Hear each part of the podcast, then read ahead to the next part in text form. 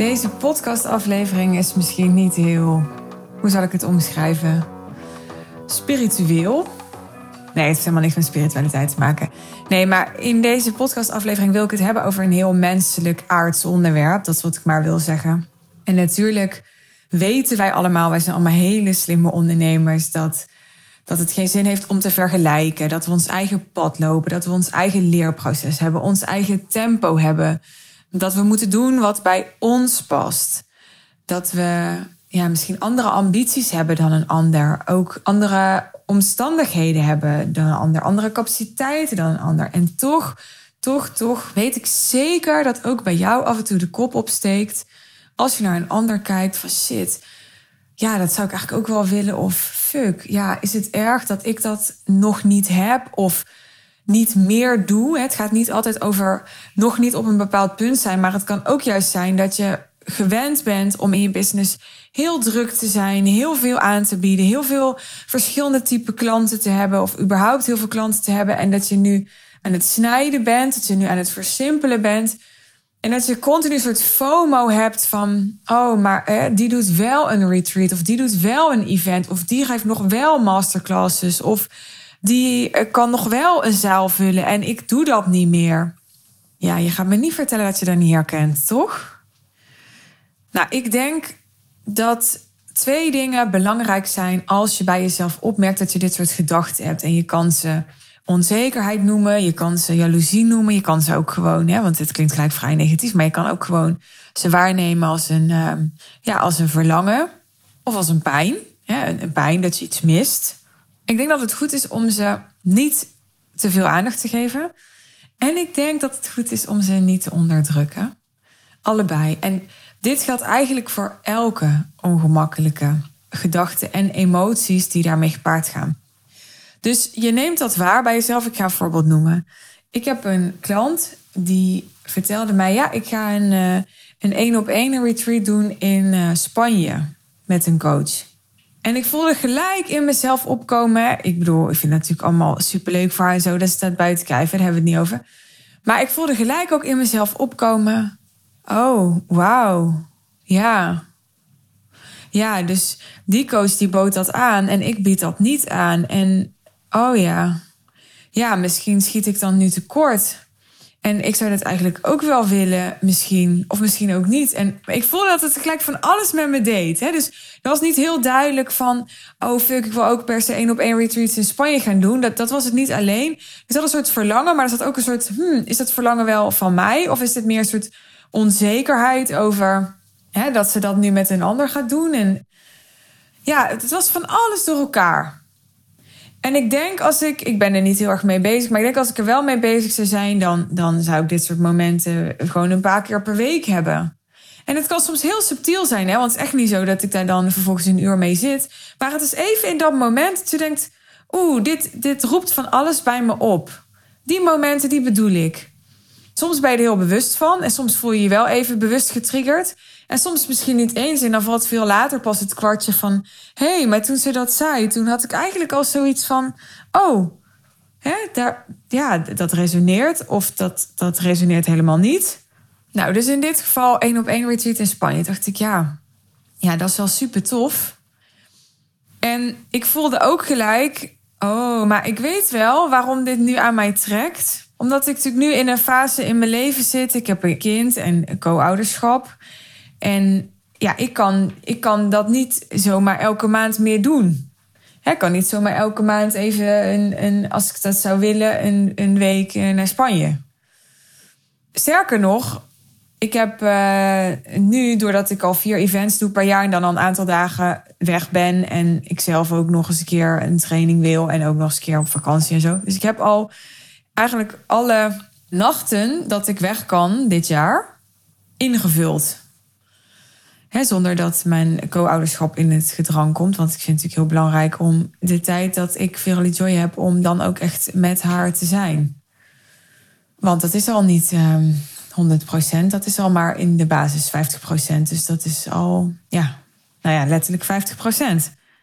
En het scheelt ook nog dat zij nog klein is. Hè? Dus wij doen niet week op, week af. Want dat, dat is te lang nog voor haar leeftijd. Dat is niet het advies voor zo'n kleintje. Dus ik voelde gelijk, oh, maar dat wordt er nu in mij getriggerd. Dat al zou ik dat willen, dat ik dat dus gewoon niet eens heel makkelijk. Kijk, als je echt wil, zijn er misschien altijd mogelijkheden. Maar nou, het is denk ik niet heel realistisch voor mij op dit moment. Ik ben altijd heel voorzichtig met het woord realistisch gebruiken. Want ik geloof dat op mijn salespage staat. Ik geloof niet in realisme.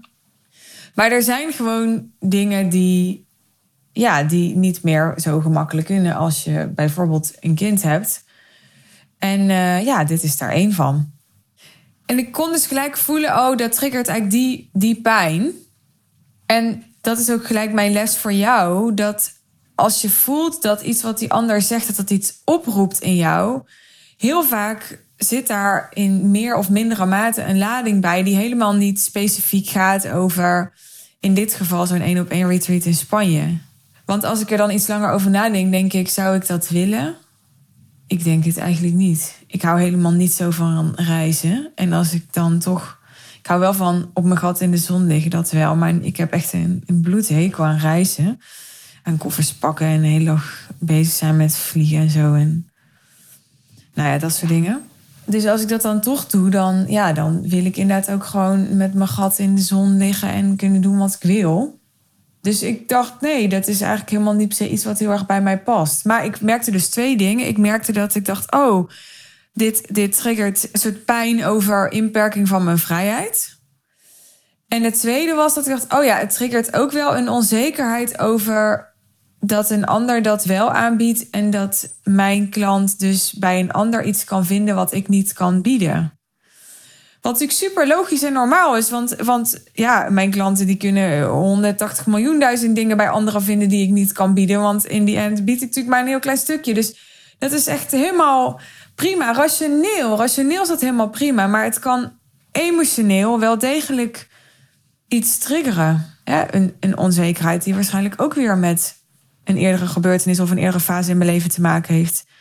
En dat als eerste zien en onderscheiden van, oh, dit gaat misschien niet over nu of niet alleen over nu. Dat is al heel belangrijk, want voor je het weet ben je een één op één retreat in Spanje aan het boeken, terwijl je iets aan het doen bent wat, wat helemaal niet uit liefde komt, maar meer uit pijn. En het tweede wat belangrijk is, is denk ik om, om te vertalen: oké, maar welk verlangen wordt hier dan aangeraakt? En ik voelde direct, oh ja, ik weet al welk verlangen hier wordt aangeraakt. Dat, dat ik op dit moment, omdat ik omdat mijn leven en mijn business vrij schematisch is, waar ik heel goed op ga. Dus mijn, mijn planning voor dit hele jaar lag aan het begin van dit jaar al vast. Waarbij het niet in beton gegoten is natuurlijk. Maar ja, de, de data van de, de Real Deal Live in, in januari, wat uiteindelijk februari werd, lag vast. Die in juni ligt vast. 16 eh, maart ligt vast. In november ga ik een training inhalen die ik afgelopen november gemist had. Die ligt ook vast. Uh, de schoolvakanties waarin ik uitgeroosterd ben als het ware... omdat Verily Joy dan niet naar de opvang gaat. Die liggen vast. Mijn co-ouderschapsschema ligt vast. Nou ja, er ligt gewoon heel veel vast. Hè? Hoe we vakanties hebben verdeeld, ligt vast. Dus er, het verlangen had hem te maken met die, met die pijn. Met die, die pijn die gaat over die inperking die ik dan voel van mijn vrijheid, daar zat een soort verlangen naar spontaniteit. Naar, oh ja, dus als ik op dit moment gewoon binnen op korte termijn zoiets zou willen plannen, dan, dan past dat eigenlijk helemaal niet. Want ik ben bijvoorbeeld nu tot en met 16 maart ben ik helemaal bezig met, ehm, met uh, de High Level Sales One Day Intensive. En dat wil niet zeggen dat het daarna niet zou kunnen. dus als je iets wil, is er heel veel mogelijk. Maar nogmaals, het ging niet om het specifieke voorbeeld. Het ging om dat ik dacht, oh, dus er zit een verlangen naar meer spontaniteit. En dat wist ik al langer dat dat zo was. En dat, daar ben ik ook naartoe aan het werken. Dus ik zie daarin vooral de sleutel in, ehm, in echt mijn team nog steviger neerzetten. Waardoor ik gewoon nog meer vrijgespeeld ben door de week heen. Want daar heeft het veel meer mee te maken. We hebben dan ook de neiging om het gelijk groot te maken. dus een één op één retreat in Spanje organiseren. Dat, dat is dan gelijk best wel. Ja, het is gelijk een heel aanbod en zo. En een reis en een klant. En dit is gelijk, uh, nou ja, dit is iets anders dan een momentje op de dag. dus die spontaniteit kan ik misschien ook creëren door gewoon te zorgen dat, uh, dat mijn agenda flexibeler is. En dat ik gewoon, als ik zin heb, uh, overdag een keer kan gaan hardlopen of zo. want daar zit datzelfde gevoel van spontaniteit in. Dus het hoeft niet gelijk heel groot. Dat zeg ik ook vaak tegen klanten. Die komen soms met: Ja, ik, ik ben nu uh, een half jaar uh, stories aan het maken. Maar er komt eigenlijk nooit wat uit. Dus ik kap er dan maar mee. En ik zeg niet dat je er dan mee, niet mee moet kappen als je merkt dat er niks uitkomt. Maar ik zeg wel dat we vaak veel te rigoureus zijn in dat soort dingen. want het kan heel goed zijn, het gebeurt namelijk heel vaak, zie ik in de praktijk elke week, dat er niet iets uitkomt omdat er gewoon net een soort ingrediëntje mist. En dat als je dat toevoegt, dat het opeens wel loopt. En dat geldt niet alleen voor stories, maar dat geldt ook voor een aanbod, dat geldt ook voor een niche, dat geldt ook voor iets wat in je team misschien niet loopt. En dat geldt voor alles als we elke keer rigoureuze keuzes maken en daarmee ja, een soort van weer opnieuw met een nieuwe strategie beginnen, dan moet je elke keer maar weer afwachten of dit dan wel de holy grail is. Maar iets is meestal niet helemaal opeens zomaar de holy grail. Hè? Je moet bouwen, je moet schaven, je moet tweaken. Dat, dat is gewoon meestal hoe het werkt, uitzonderingen daar gelaten. Maar zonder dat ik nou helemaal wil afdwalen naar het, het thema rigoureuze keuzes. Als je dus opmerkt bij jezelf dat je dingen ziet bij anderen waarvan je denkt: Oh, ik, ik ga daarover twijfelen of ik dit nou ook moet, of dat dit ook bij mij past, of ik dit ook wil. Wees eerlijk over waar die trigger over gaat. En vertaal die trigger naar een verlangen dat je hebt. En kijk hoe je met kleine stapjes dat verlangen meer kunt implementeren in je business en in je leven. En ik wil daaraan toevoegen: andersom gebeurt ook, hè? Dus ik heb ook klanten die op mijn event komen, dat weet ik zeker. En die op dag twee, als iedereen aanwezig is, denkt: Nou, dit vind ik wel veel mensen. Zoveel mensen wil ik helemaal niet. Ja, prima.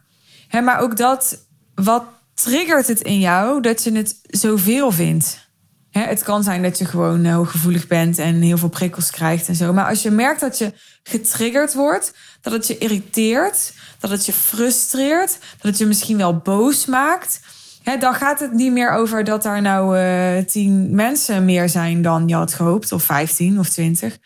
Nee, dan, dan gaat het over oude pijn. En dan gaat het over iets in jou wat eigenlijk helemaal niet te maken heeft met jouw grote groep is op zo'n dag.